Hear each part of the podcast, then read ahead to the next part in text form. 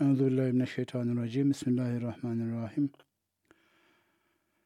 Çok kısaca İbrahim suresinde bu ayetlerin hemen öncekinde ayetlerin geçen ayetlerin mesajını aktarmış olayım. Hatırlarsanız e, keferu diye bahsedilen ama burada keferuyu daha özel anlamıyla alacağız. Yani e, peygamberin getirdiği ve doğaylı mana olarak peygamberin varisleri olan ulema, ehli tebliğ ulemanın getirdiği mesaja karşı karşı çıkan ve biz sizi muhakkak bu beldeden dışarı çıkaracağız, atacağız diyen insanların azap göreceğinden bahsetti kısaca Kur'an. Ve e, bu azaptan sonra müminlerin ama Allah'tan korkan, Allah'ın zatından da şahsına karşı da saygı mehafet duygularıyla dolu olan ve Allahu Teala'nın vaat ettiği ve vaitte bulunduğu tehditlerini de ciddiye alan korkan insanların o beldeye yerleştirileceği hani vaat buyurduktan sonra 15. ayette dedi ki o insanlar yani evvela peygamberler sonra onun varisleri sonra onlarla beraber bulunanlar ve steftahu Fetih istediler, fetih için duada bulundular. Fetih için ellerinden gelen gayreti gösterdiler. Bu kalıp arkadaşlar istiftah, istiğfar gibi kelimelerin kalıbı hem talepte bulunmak, hem o konuda kendini zorlamak, hem de o konuda Allah'a dua etmek gibi genel olarak ekstra gayret anlam ifade eden manalar çerçevesindedir. Öyle bir çerçeve işaret eder.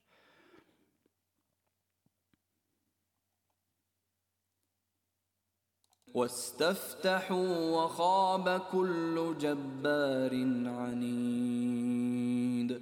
من ورائه جهنم ويسقى من ماء صديد. يتجرعه ولا يكاد يسيغه ويأتيه الموت. ويأتيه الموت من كل مكان وما هو بميت ومن ورائه عذاب غليظ O kafir grubunun bu dünyada çekeceği yenilgi diyelim ve onunla beraber gelen dünyevi azaplardan sonra evet o fetih duasına ve gayretine icabet edildi ve karşılığı verildi. Ve habe kullu cebbarin anid her inatçı cebbar zorba yani güç kullanarak istediklerini yaptıran bir önceki derste değinmiştik buna gerçi ama anid yani hakikati kabul etmiyor, lüzumsuz inat ediyor. Tek başına o olsa hadi neyse ama aynı zamanda cebbar, müstebit yani güç kullanarak o yanlış fikre devam ediyor. Fark ettiyseniz bunların bir tanesi olsa o kadar problem olmayacak. Bu kayıptan sonra min veraihi bu bu dünyada perişan olmadan sonra cehennem ve onun ötesinde cehennem var. Arkadaşlar Kur'an farklı yerlerde cehennem azabına dair farklı noktalara değinmiştir. Aslında geçenlerde okuduğum bir bu konuda getirilen Kur'an'a eleştiriler İslam'dan çıkmış veya gayrimüslim olup e, eleştiri getirenlere karşı bir şeyler düşünmüştüm. Ama şimdi ona girersem asıl konu kaybolacak. Daha sonraki bir dersi erteleyelim. Cehennemdeki azap bahislerinin hikmeti nedir? Ne işe yarar? Bu dünyada ahlakı sağlamada faydası nedir gibi noktalara. Bundan sonra cehennem ve cehennemde ve yuska min ma'in sadid kendisine içirilir o takdim edilir gibi bir su ki sadid bu kök arkadaşlar yani sadede kökü bir parça baktım çok fazla ve çeşitli manalara geliyor. Kökün asıl manası budur diyemeyeceğim. Fakat bir şeyden yüz çevirmek, bir kaynaktan akıp gitmek, kapatmak, kapanmak gibi manaları var.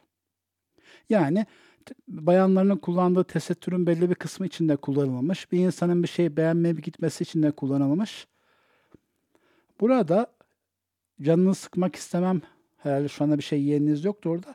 Sadid tam olarak bir insanın bir yarasından çıkan, evvela yaranın üstünü kaplayan, bir daha ince, kabuk bağlamamış, kanla karışık, cerahatli su demek. Yani hem yarayıdan çıkıyor, hem yarayı kapatıyor. Ama henüz bir kabuk haline, bir sertleşmiş haline gelmemiş. Diyeceksiniz nedir bu iğrençliğin ifadesi? Hakikaten düşünürseniz insanın en rahatsız edecek şeylerden bir şey. Bir su ki içinde bu var. Bakın mesela insan susayınca bir su içinde bir miktar mesela saman parçaları var veya bir miktar toprak karışmış, toz toprak içerisinde. Hatta bazen ben pınarlarda görürdüm öyle. Hani kır gezilerinde, köylerin arasında yerden kaynayan bir gözle çok büyük değil. İşte en fazla küçük bir leğen kadar bir su bir yerden kaynıyor. Orada sağında sonunda yaşayan minik böcekler var. Bir insan onlara dokunmadan da susamışsa su içebiliyor. Fakat herhalde böyle bir sıvı ki insan bazen dişini kanar veya eli kesilince gayri ihtiyari o kanı emer. Yani normal insan vücudundan çıkan düz kan da o kadar iğrenç gelmeyebilir. Burnumuz kanarken mesela kan ağzımıza gelebilir. Fakat bu sadit, o yaradan çıkan o sıvı en iğrenç şeylerin bir tanesi denilebilir. Niye anlattım? Çünkü Allahu Teala bu kelimeyi seçmişse bunu bir an tahayyül etmemiz istemiştir. Su ise biliyorsunuz su içmek yani suyun kendi hali. Kola, fanta, ayran olmasa da yani başka içecekler halinde olmasa da düz, berrak su. İnsanın her zaman, her daim hoşuna giden bir bakıma dünyada hiç sıkılmadığımız. Geçen bir düşünmüştüm. Oksijenden de sıkılmıyoruz da genelde onu direkt fark ediyor değiliz. O hava alıp almamamız. Normal bilinçli tükettiğimiz yiyecek ve içecekler arasında her zaman hep en hoş gelen şey sudur diyebiliriz. Yani baklava veya başka bir yemek, bir tandır, kebap bazen hoş gelebilir ama her zaman değil. Su ise her zaman her daim hoş gelen bir şeydir. Burada kısaca o hoş olan şeyin en iğrenç halini ifade ederek yani orada size huzur yoku ifade ediyor ve bize şunu da hatırlatıyor. Bizim hayatımızın cehennem olması için çok büyük azaplar da gerekmeyebilir. Aslında bir açıdan biz o kadar bir şeylere bağlıyız ki sadece tüm suların her zaman pis olması, iğrenç olması bayağı yeterli, gerçek, net bir azap. Hani bırakın zincirleri veya ateşi veya kırbacı. Devam edelim.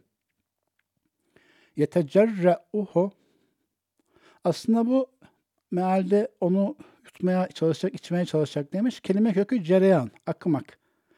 Yani içmeye de çalışacak değil. Sadece bir şekilde boğazından akıtmaya çalışacak. Onda mesela bazen düşünebilirsiniz. Diyelim ki e, büyük boy ilaçlarda bu olabilir veya iştahınız hiç yokken sizi bir şey, bir şey zorlayabilir. Hani ya işte anneniz, eşiniz, doktor ya bunu yutuver işte diye. Veya bazen tıbbi sebeplerle olabilir yutkunma zorluğu veya psikolojik sebeplerle yani olabilir. Orada siz açıkça içmeye de çalışmazsınız da sadece akıtmaya çalışırsınız. Mesela ilacı iyice boğazınıza geriye itersiniz, yutkunursunuz, suyu bir şekilde akmaya, akıtmaya uğraşırsınız. Mana burada biraz daha öyle hani bir şekilde onu akıtmaya çalışacak boğazını aşağı fakat fela yakadu yusiruhu onu yutmaya muvaffak olamayacak, yapamayacak ki zaten de öyle oluruz. Bu bir yönüyle iğrençliğin bir tarifi. Yani susamış veya suya ihtiyacı var. İster Ramazan orucunu düşünün, ister başka hallerini düşünün. Ki çoğu zaman mesela ameliyattan uyanan insanlar da ilk başta bir su isterler. Veya normalde yeni uyanan insan da ilk aklına gelen şey olur aslında neredeyse de. Neyse devam edelim.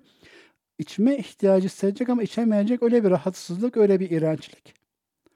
Bu burada tüm diğer azaplar adına birini seçerek birini anlatmış. Ben de biraz tefsir etmeye çalıştım, göstermeye çalıştım.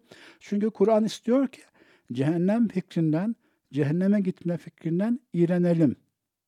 Neden bunu yapalım? Şu yüzden Bu dünyada bizi cehenneme götürecek şeyler anlık olarak kolay ve rahat gelebilir. Yahut bazı zalimler zulümlerine bizi ortak etmek için bu dünyada bazı zahmetler sunabilirler. Mesela derler senin maaşın şuradan şuraya düşecek veya buradan alıp buraya götürüleceksin. İstediğin şeyler artık istediğin kadar rahat yiyip içemeyeceksin. Sıkıntı çekeceksin. Şöyle zahmetlerin bulunacak filan. Kur'an ise bunun karşısına şunu koyuyor. Diyor ki Allahu Teala sizi çok daha büyük zahmetlere ulaştırır. Ulaştırabilecek kudrettedir. Ondan da kaçamazsınız. Hesabı öyle yapın. Yani sizin o zulme ortak olup olmamanızda sırf bu dünyada hmm, böyle yaparsam işte şu olacak, böyle yaparsam bu olacakla kalmasın. Şerri seçtiğiniz vakit bir de bunlar olacak. O manada insanlığın hemen hemen hepsinin, çoğunun diyecektim ama hemen hepsi diyebilirim. Bunlara da ihtiyacı var. Nasıl ki mesela şu anda ne yapıyor? Türkiye'de yeni başlayan bu uygulamaya örnek vermiş olayım. Sigara paketlerinin üzerine çok iğrenç resimler konuluyor. İşte öyle bir insanın ayağı veya bir gırtlak kanseri veya benzeri. Hoş ben bizzat görmedim ama internette bunlar öyle tarif edilmiş ki. Hatta insanların işte bakkallardan büfelerden bana şu resmi değil diğer resmi ver. Çünkü o bir kat daha az iğrenç dediği aklediyor sosyal medyada rastlıyorum. Bu şunu getiriyor. Yani bakın insanlar iğrençliğin resmine bile masanın üstünde durmasına dayanamıyorlar. Peki devlet veya Sağlık Bakanlığı bunu niye yapıyor veya niye teşvik ediyor? Sigaranın o anlık tadına karşılık ileride getireceği problemler bir nebze gösterebilsin diye. Evet madem bunu tek yapan ülke e, Türkiye'de değil, yani bildiğim kadarıyla bu Avustralya'da vardı galiba. Yani en azından bazı gelişmiş ülkelerde var böyle bir kavram, böyle bir konsept. Yani işin nihayetindeki iğrençliği ortaya koymada insanların davranışlarına etki eden bir şey var. Madem bu realitedir ve insan bünyesinin parçasıdır, Allahu Teala da eğri yolun encamındaki iğrençlikleri tarif edecektir, eder, etmesi makuldür, güzeldir. Devam edelim. Bu bir yönü. Diğer tarafı daha genişten azabı bir daha tarif ediyor Allahu Teala. Diyor ki ve ye'tihil mevtu ona ölüm gelecek. Normalde ölümü tabii ki insan sevmez. Hatta bir yönden gelmesi kötü kötüyse mesela iki yönden, üç yönden, on yönden gelmesi daha kötüdür. Hani bir hastalık kötüyse aynı anda üç hastalık daha kötü olması gibi. Ve mevtu min kulli mekanen ona ölüm her yönden gelecek. Bu bir yönüyle büyük bir tehdit aslında. Diğer yönüyle ise o cehennem azabındaki o insanın bunu hoşlukla karşılayacağını söylüyor. Yani azap o kadar kötü ki ölmek ve hissetmemek isteyecek ve bizim bu dünyada düşünemeyeceğimiz o en kötü hal. Hani batmakta olan bir gemide çıkan yangının içerisinde kalp krizi geçiyor olmak falan gibi. Hani her yönden ölüm gelmesine aklıma gelen bir bu örnek geldi. Bu dünyadaki en kötü hal, en kötü göreceğimiz hal, orada bir açıdan müjde gibi gelirken ve ma huve bi meyyit. Fakat o ölecek de değildir.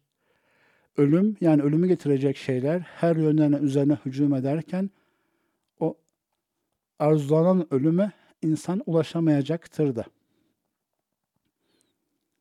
Ve devam edelim. Ve min merahim Peki bitti mi? Hayır. Ölüm her yönden geliyor. Fakat ölemiyor. Ve min meraihi ve onun ötesinde de azabunu galiz. Galiz aslında net, şiddetli, biraz rahatsız edecek derecede şiddetli demek. Biraz eksik söylüyorum. Rahatsız edebilecek derece şiddetli. Galiz söz gibi Türkçe'de kullanıyoruz bunu. Kaba, insan rahatsız eden söz. Ama illa her zaman kaba manası da yok veya biraz var. E, çünkü başka bir ayette imanın, İslam'ın bazı meselelerini savunmada, ortaya koymada net olma anlamında da kullanılıyor. Yağluz aleyhim gibi ifadeyle onlara karşı bu konuda net ol, açık ol. Biraz bunun kırın etmeyene veya biraz rahatsız olman aldırma de, diyor. Yanlış anlaşılmasın o ayeti içinde. Ee, İslam'ın her meselesi her zaman her daim böyle değiller. Ama diyelim ki mesela örnek vermiş olayım. Siz birkaç arkadaş aranızda dini gayelerle bir vakıf dernek bir şey kurdunuz.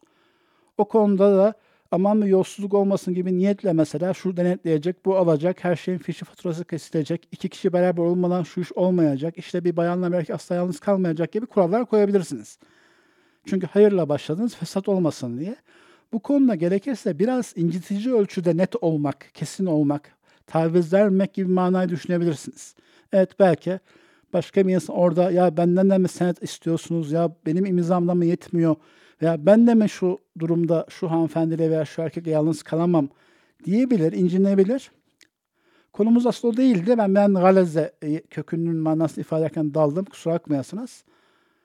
Burada ise azabın hani vazgeçilmeyecek, dönmeyecek, mırınkını aldırmayacak net burada kaba diyebilirsiniz işte. Olmasını ifade ediyor. Ve fark ettiyseniz burayı min veraihi min veraihi diye e, bağlamış. Hani bazen reklam yaparken işte bir satışta işte şunu alırsanız yanında bu ama daha bitmedi yanında bir de bu, daha bitmedi yanında bir de bu gibi ve arkasından ve arkasından ve arkasından ve bu minnerahi minnerahi'nin tekrarından görüyoruz ki daha bir şeyler daha var ve onun arkasında bir şey daha ve onun arkasında bir şey daha. Bu azaplar veya rahatsız edici şeyler bitmeyecek. Neden? Zira bu dünyada bir insan arka arkaya mesela olmuştur bu zulüm meselesinde.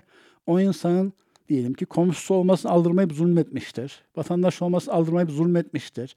Daha önce ortak paylaşılan iyiliklere aldırmayıp veya güzel günler aldırmayıp zulmetmiştir. Oradan görülen iyiliğe karşı nankörlük edip zulmetmiştir. Genelde hani o manada bu insan bir yerde bu kendi dünyasında bir günah meselesinde veya mesela bir insan gençken fuhuşa meyillidir, evlenmiştir, hala fuhuşa meyillidir, orta yaşı geçmiştir, çoluk çocuğu olmuş, hala fuhuşa meyillidir, yaşlanmıştır, hala fuhuşa meyillidir, min veraihi. Bunun gibi halleri birleştirince siz dersiniz ki e artık hani bu azap da böyle olmalı. Ben bir iki temel şeyi söyledim. Hani insana başkasına yapılan zulüm veya bir insanın kendi zaaf göstereceği günah adına bir şey. Bunu siz başka başka vakalara ifade edebilirsiniz. Mesela daha gençken, fakirken paraya karşı konularda birkaç zaaf göstermiş ve helal haramlığı karışık ve haramlığa galip bir şeyleri hani harca öyle kazanmıştır. Hani hem genç hem ihtirasları var hem fakir bir tık belki yarım hoş görürsünüz. Yani günah ama hani filan diyebilirsiniz belki. Bir daha, bir daha, şartları değişmiş bir daha, kompleksleri kaybolmuş bir daha, belli bir güce kavuşmuş hala bir daha. Bu veraihi veraihiler insanın dünyada günah olarak elbette hak eder ki ahirette azap olarak min veraihi min veraihi olsun. Bundan sonra konu değişiyor. Bu kafirlerin görece azaba değindikten sonra bir mesele daha geliyor. Buna şu noktaya çek, dikkat çekeceğim. Üstte yine bir küfr etme fiilinden bahsetti. Şimdi bunun o fiilden bir defa daha bahsedecek. Çoğu Kur'an dersine geçiyor ama bir daha tekrar edeyim. Burada geçen ifadeyi sadece hiç kelimeye şahit söylememiş, düz, açık, kafir diye anlamayalım. Yani mevzuyu bir sıfıra bağlamayalım. İnsanın pek çok farklı alanı olduğu gibi amellerinin veya niyetlerinin ve yaptıklarının pek çok farklı derecesi var. Dolayısıyla bir insan Müslüm olup imanla belli bir dereceye ulaşıp belli başlı fiilleri veya belli başlı niyetleri veya hayatının belli bir alana dair mesele itibariyle keferu olabilir. Yani hakikatin üstünü örtülüyordur veya yanlışta ısrar ediyor. O da bir üst örtmedir. Veya Allah'ın verdiği nimete karşı nankörlük ediyor. O da keferuya giriyor. Kur'an'da fiil olarak geçen şeyleri biz de fiil olarak anlayalım. Sabitlenmiş, statik belli bir grup gibi değil. Bu hadislerle de, hadislere geçen ifadelerle de, tavsiyelerle de Kur'an'ın genel mesajına daha uyumlu bakıştır. Şimdi 18. ayeti dinleyeceğiz. مَثَلُ الَّذ۪ينَ كَفَرُوا بِرَبِّهِمْ أعمالهم كرماد اشتدت به الريح في يوم عاصف لا يقدرون مما كسبوا على شيء ذلك هو الضلال البعيد Evet arkadaşlar Bu ayetin konusuna girerken şunu bir söyleyelim önce. Yine realist olarak ifade edelim. İnsan yaptığı her şeyde şuuru taalluk etsin ya da etmesin. Yani o anda tam bilincinde olsun ya da olmasın. O hareketi otomatik olarak yapsın ya da yapmasın. Bir fayda, bir netice peşindedir. Yani o sigara yakan bir insan diyelim ki sigara ile ferahlamayı düşünmektedir. Her ne kadar bunu otomatik hareket olarak yapsa bile hani ondan onu alıkoysanız der ki içim daralıyor, sıkılıyorum, özlüyorum, onu arıyorum falan.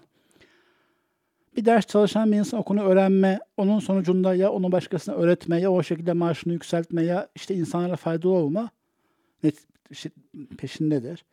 Ben yorgunum, oyun açıyorum ya dizi açıyorum diyen bir insan o şekilde ferahlamayı düşünmektedir. İşte çocuğuna dersi kötü geldiği için kızan veya sen çalışsan şunu alacağım sana vaat eden bir insan netice peşindedir. Bu açık değil mi? Açık da hani konu bağlamında söylemeye çalışıyorum. Biz kısa vade ya da uzun vade, bilinçli ya da bilinçsiz davranışlarımızda bir maksat güderiz.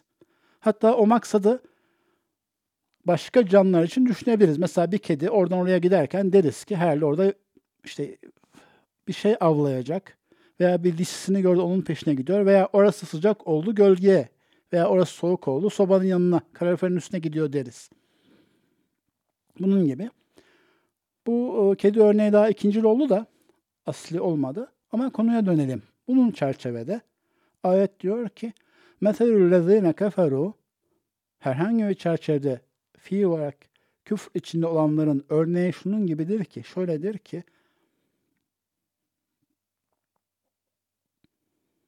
pardon kelime yanlış yere bölmüşüm. مَثَلُ الَّذِينَ كَفَرُوا بِرَبِّهِمْ Rablerine karşı küfür içinde bulunanların nankörlük veya inkar. Burada ama Rab deyince Rabbinin şahsına karşı olan keferoyu bir adım başka yere bırakalım bizim mahiyetimiz itibariyle verdiği nimete karşı keferu veya gönderdiği mesaja ve o mesajın hakikat, o mesajın içindeki hakikatlere karşı keferu. Bunların her ikisinde de zata karşı keferu da vardır da tabi şu anda bu Kur'an dersinin muhataplar arasında zata karşı bizzat Rablerinin Allahu Teala'ya karşı keferu içinde olan yoktur. O yüzden ona değinmiyorum. O da bir önüne girer. Meselüllezine keferu bi rabbihim e'maluhum Onların o mesel şöyledir ki onların amelleri ke ramadin bir kül gibidir. Nasıl bir kül? Bir ke ramadin işteddet bihir o küle karşı rüzgar şiddet göstermektedir. En birebir düz vereceğiniz meal bu olur. Bu olur. Fi yevmin asif. Şiddetli, fırtınalı, rüzgarlı bir günde o rüzgarın o küle karşı şiddet gösterdiği bir hal gibidir.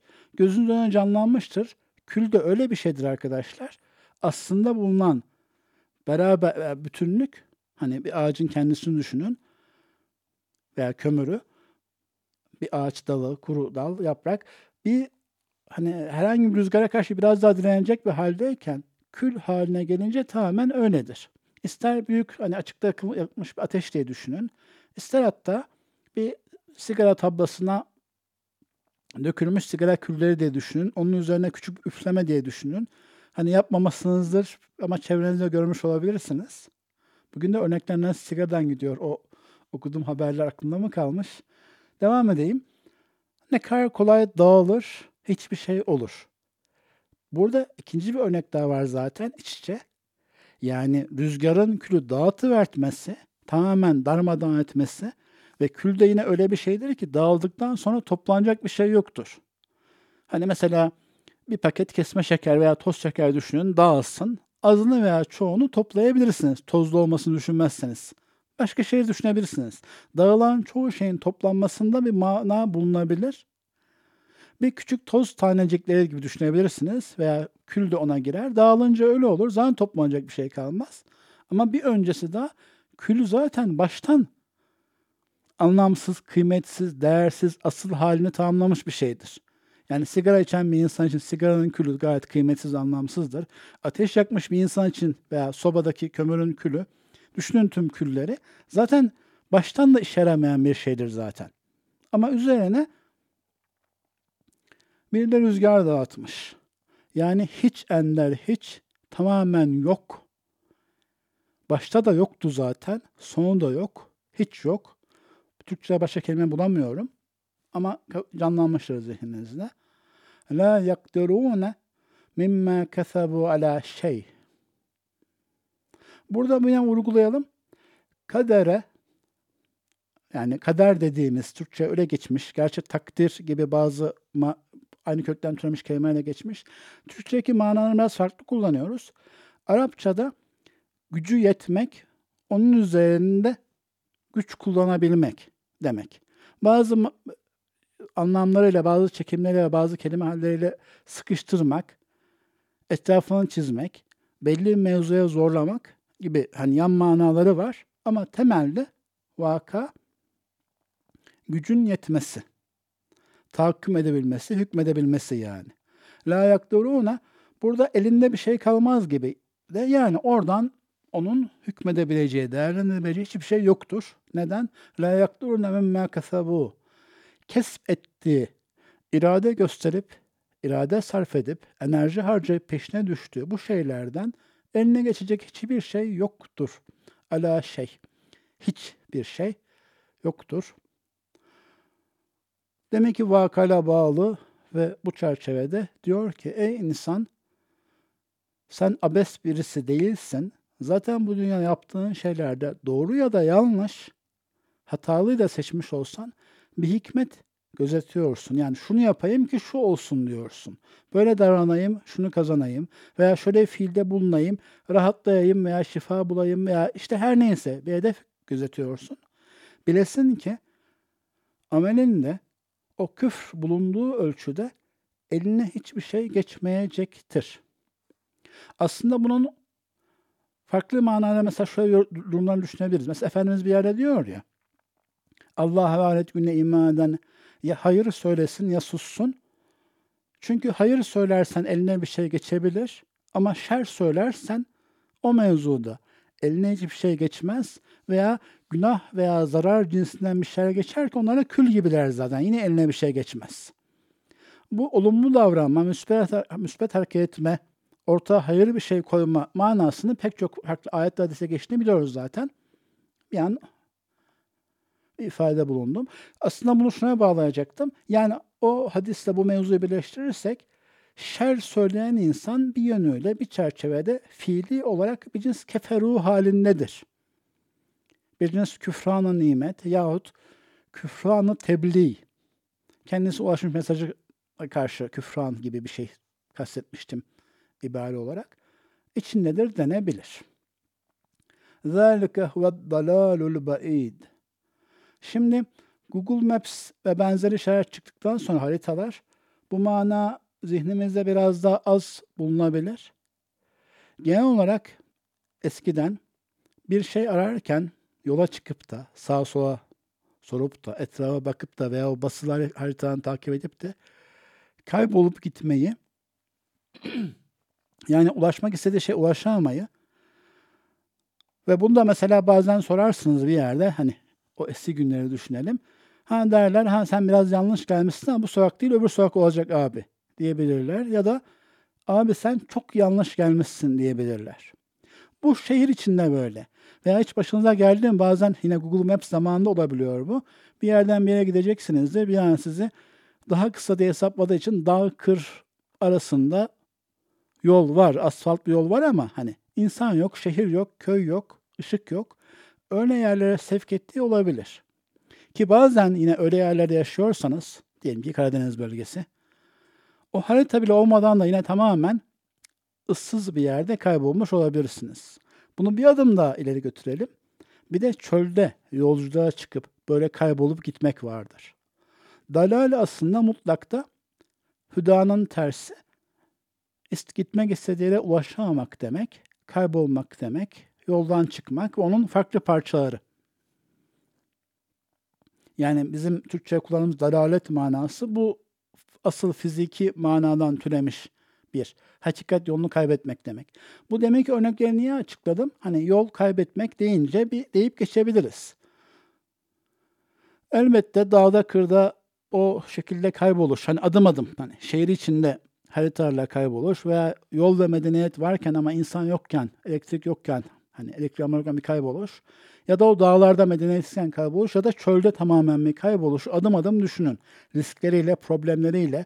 Birisinde en fazla işte bir yerde sabahı beklersiniz.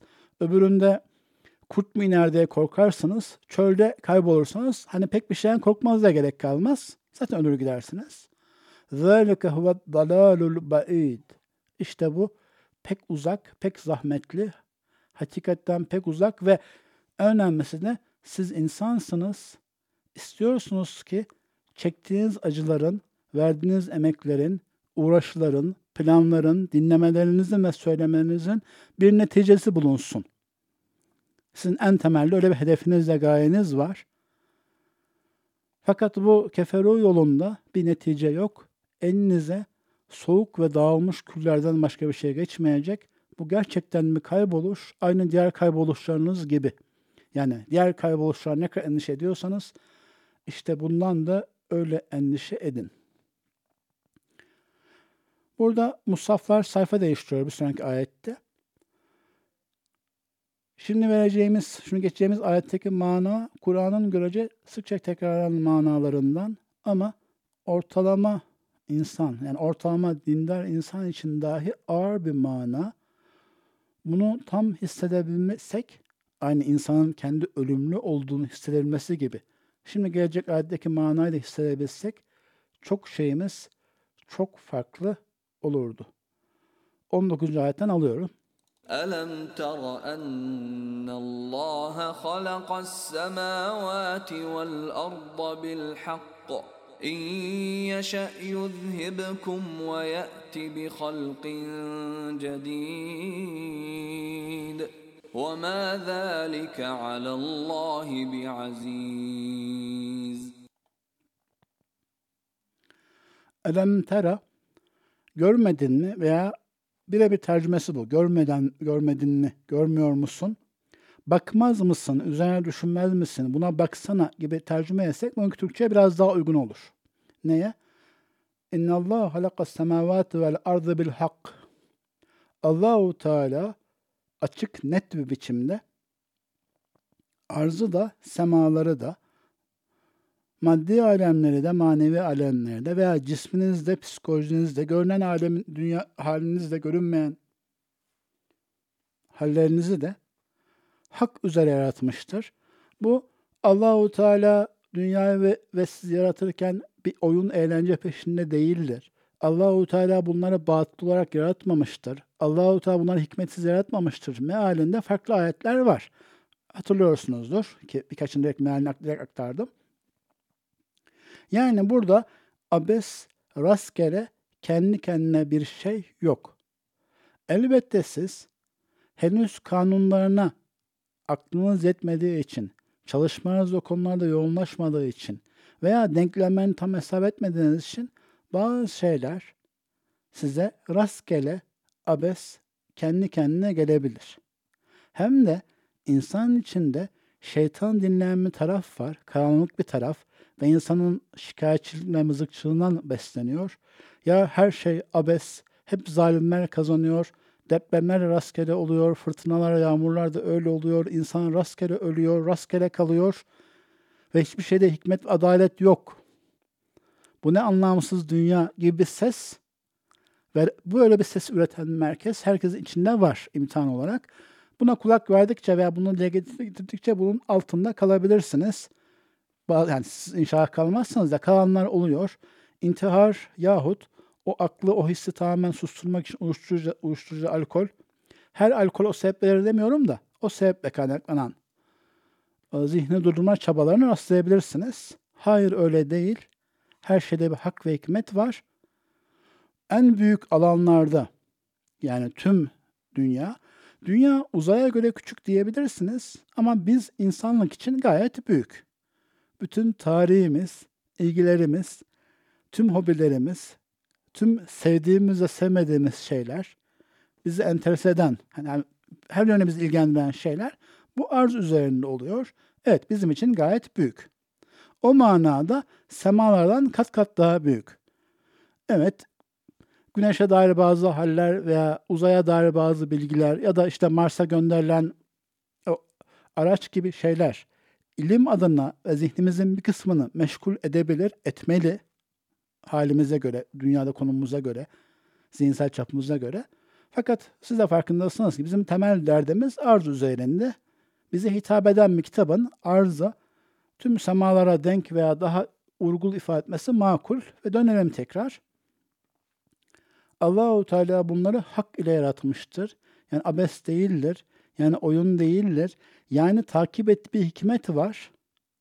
Ve o hikmet çerçevesinde in yaşa eğer dilerse yuthibkum sizi tamamen gönderir. Zehebe gitmek demek aslında arkadaşlar. Yuthibkum için sizi giderir gibi tercüme etmişler ama tam Türkçe ifade edersek sizi gönderir. Bir yönüyle def eder.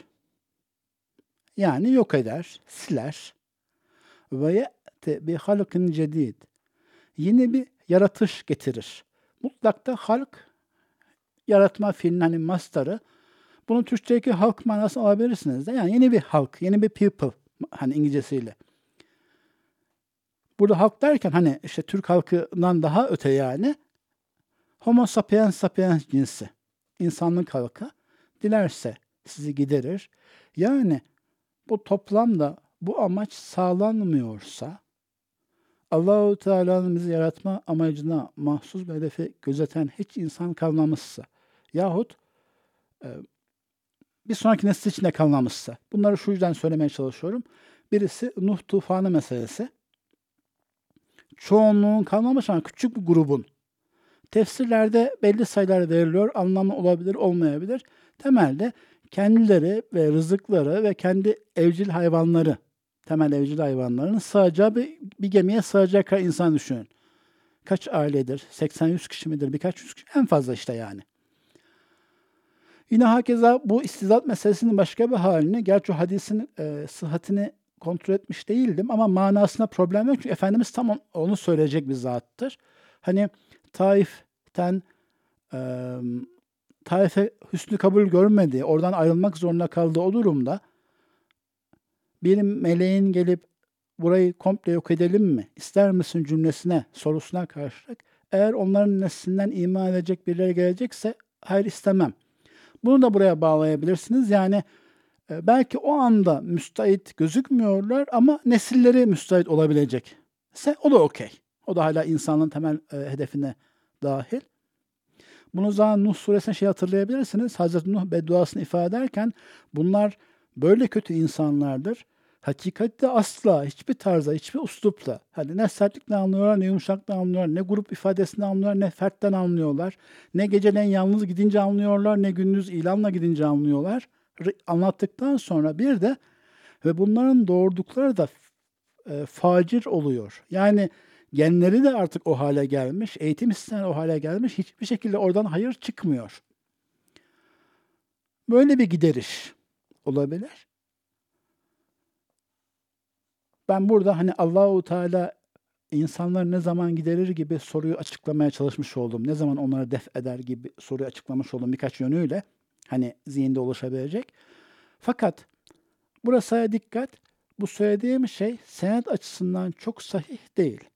O yüzden bu mutlak böyledir demiyorum. Ama bu ihtimalle düşünelim diyorum.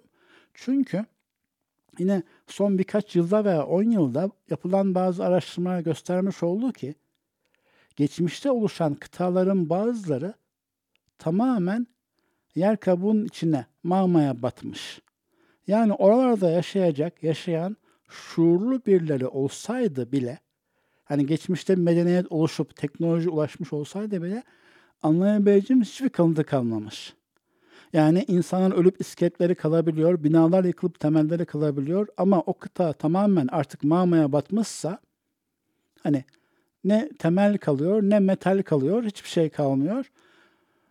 Böyle bir şeyin var olduğu ifade sonra yani bilimsel makalelerde veya bu tarz bloglarda, forumlarda, gruplarda acaba öyle olmuş olabilir mi? Yahut düşünsenize biz de bizim oluşturduğumuz teknoloji bitmiş olsa o şekilde bir şey olsa bir 100 milyon sonra gelecek birileri tekrar şuur sahibi olsalar hiçbir şey belli olmayacaktı diye. Mevzunun böyle biraz teknik bir yönde olduğu için bu tarafında söyleyeceğim. İbn Arabi en temel örnek. O ve onun gibi zatlar diyeyim teferruatına girmeden önce bizim şu anda yaşayan insanların babası olarak bildiğimiz, kabul ettiğimiz Hazreti Adem'in ilk Adem olmadığı, daha önce de başka Ademler geçti. Bu sefer yedinci Adem olduğu gibi bir şeyler nakledilir. Yine hadis diye geçen fakat senede olmayan o yüzden artık bir evliya ve ulema sözü olarak aktaralım. Yine daha önce aslında onlarca Adem geçmişti diye de geçer. Zaten yedi sayısı biraz sembolik. İlla yediye bağlı değil. Tekrar söyleyeyim mevzunun bu.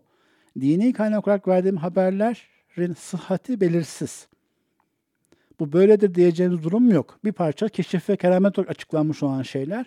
Fakat bu yönüyle bir bilimsel olarak olabilitesi var.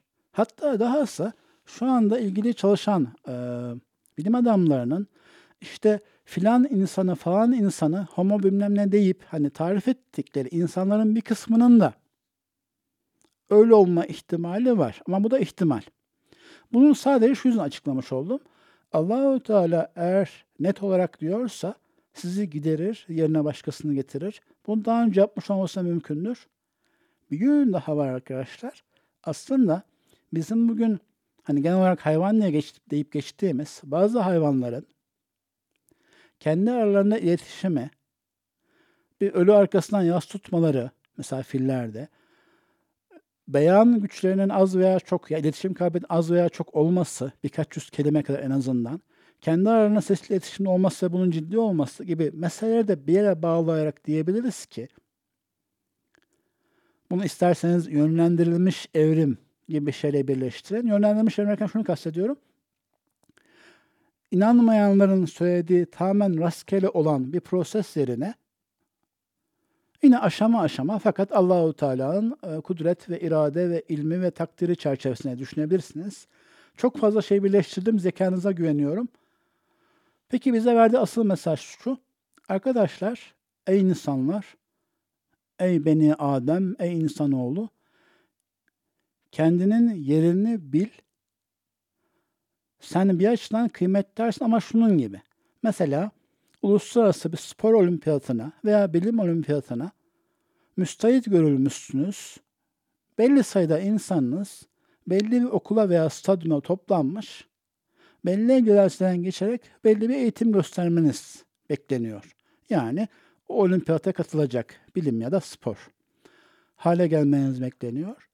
Siz bu hali göstermezseniz hani bir kıymetiniz var değil sizin gönderilirseniz başkaları getirilir. Bu iş onlara yüklenilir. Bu tüm buradaki hitap tüm insanlığa bunu daha dar çerçevede alabilirsiniz. Mesela ey Araplar siz dinin kendi dilinize gelmesine çok güvenmeyin. Hakikaten genel tebliğ yani hayır istikametine bulunma, yani hayırlı bir şey inşa etme vazifenizi yapmazsanız Allah sizi giderir. Hiç beklemediğiniz, göçebe, bedevi diye gördüğünüz, doğru dürüst yazılı kültürü olmayan bir halkı alır, o vazifeyi yaptırır. Ama dikkat, mesela ey yeni halk, ey Türkler veya ey Osmanlı kavimleri diyeyim, etnik bir şey söylememiş olayım. Bu devrin hassasiyetleri çerçevesinde. Siz de atalarımız şöyle yaptı demeyin. O performans göstermezseniz Allah sizi giderir, yerine yenisini getirir. Veya ey medrese halkı, tamam siz med- ulema ve talebeleri medrese olarak bir şeyler yapmıştınız. Ama yapmaya devam etmezseniz Allah sizi giderir, yerinize yenisi getirir devamında. Ve ma zalik alallahi bi aziz. Bu Allahu Teala için katiyen öyle büyük, kıymetli, önemli bir şey değildir. Yani siz de değilsiniz. Böyle bir şey değiştirmek de değil. Siz bir kağıda yazı yazarken bir an yanlış yapınca nasıl bir an buruşturup atıp yeni bir kağıt koyabilirsiniz, yeniden yazmaya başlayabilirsiniz. Hani hiç önemsemeyebilirsiniz o kağıdı. Tekstil kağıdı cinsinden bir şey olsun mesela. Aynı şekilde sizin o vazife, o çerçeve dışında bir öneminiz yoktur. Ve dahası siz kendinizi kandırıp dine ait bazı kavramları üzerinize gözükmesine kanıp ama hakiki adalet ve hakiki şifa, yani insan sağlığı genel olarak veya insan arası eşitlik, yani adalet manasında söylüyorum hani, veya gerçek bir eğitim, bu konularda siz bir şey yapmazsanız ama görünüşte adı Müslüman olmasa da bazı kavimler bu konuda bu temel amaç istikametinde bir şey yapacak gibi olurlarsa tamam sizi giderir onları getirir kısmen bir yönüyle.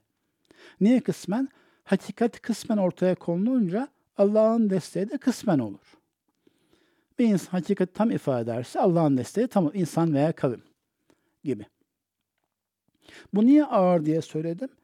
Çünkü biz genelde kişi olarak da grup olarak da bu kadar kolay vazgeçilir ve değersiz olmayı kabullenmemeye meyilliyiz. Fakat burada şöyle bir hakikat de var. Mesela şunun gibi. Ey insan 15 yaşında bir çocuğa söylediğini düşünün bunun. Sen bu halinle ve safi insan olmanla bir kıymete sahip olmayacaksın. Ya çalış, para kazanacak bir şey yap. Ya çalış, insana öğretecek veya faydan dokunacak bir hale gel. Yani çalış, bir değer kazan. Ha o zaman değerli olabilirsin. Hangi değer yönünü kazanacaksan, sanatta mı, sporda mı işte. Ama onu yapmadıkça sırf sen 20, 25, 30 yaşına veya 40, 50 yaşına gelmekle değerli olmayacaksın. Herhangi birisi olacaksın.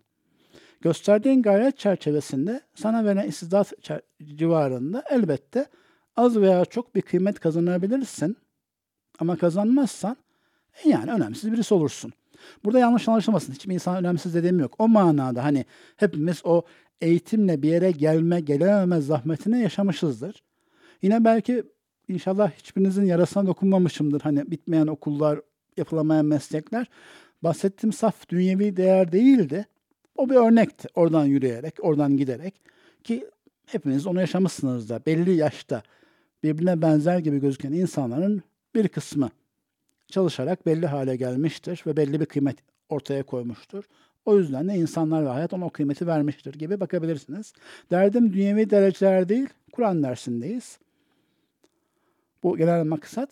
Ama o dünyevi halleri de ihmal etmeyelim, yok saymayalım. Zira bizim hayır hasenat adına ortaya koyacağımız her şey bu dünyada gerçekleşiyor. Deyip diğer bölüme geçmeyeyim. Konu değişmiş olacak çünkü. Dersin sonunda dün söylediğim şeyi bir daha söyleyeyim. Kendi çapım, istidadım çerçevesinde iyi diyebileceğim bir zihinsel veya sağlık halinde değilim.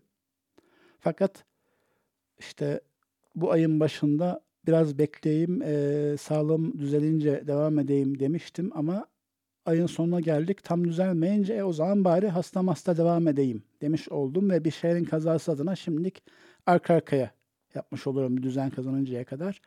Kusurlar bana ait. Kur'an elbette çok daha güzel dersi hak eden desem olmayacak. Hani Kur'an'a layık bir ders yaptığımızı söyleyemeyiz. Fakat hiç veya az hiç yoktan daha iyidir. Allah'tan muvaffakiyetler dileriz. Şu manayı negatif olarak değil de son ayet ifade ettiğimiz manayı Allahu Teala dileriz ki kalplerimize tam hissedelim. Bir oyun gevşekliğinde değil de Gerçi oyun gevşekliğine diyeceğim bu da eksik oldu. İnsanların çoğu ister bilgisayar oyunları ister bir halı saha maçı oyunları gayet ciddiye alır. O açıdan insan realitesi olarak söylersek aslında oyun ciddiyetinde dememiz lazım. İster satranç, ister bilgisayar oyunu, ister işte halı saha maçı. Oyun ciddiyetinde en azından bari ele almamızı ama Kur'an kelimeye dönersek bu hak olma meselesini Allah'tan dileriz ki bize idrak ettirsin bizi azaltmasın, bizi defetmesin, aleyhimizde değil yanımızda olsun. Bizi zayıf bırakmasın, güçlendirsin. Amellerimiz de öyle küle dönmesin, hakikaten netice verecek ameller olsun. Ve o tarif ettiği cehennemden de ve o cehennemin azaplarından Allahu Teala sınırız. Amin. Velhamdülillahi Rabbil Alemin.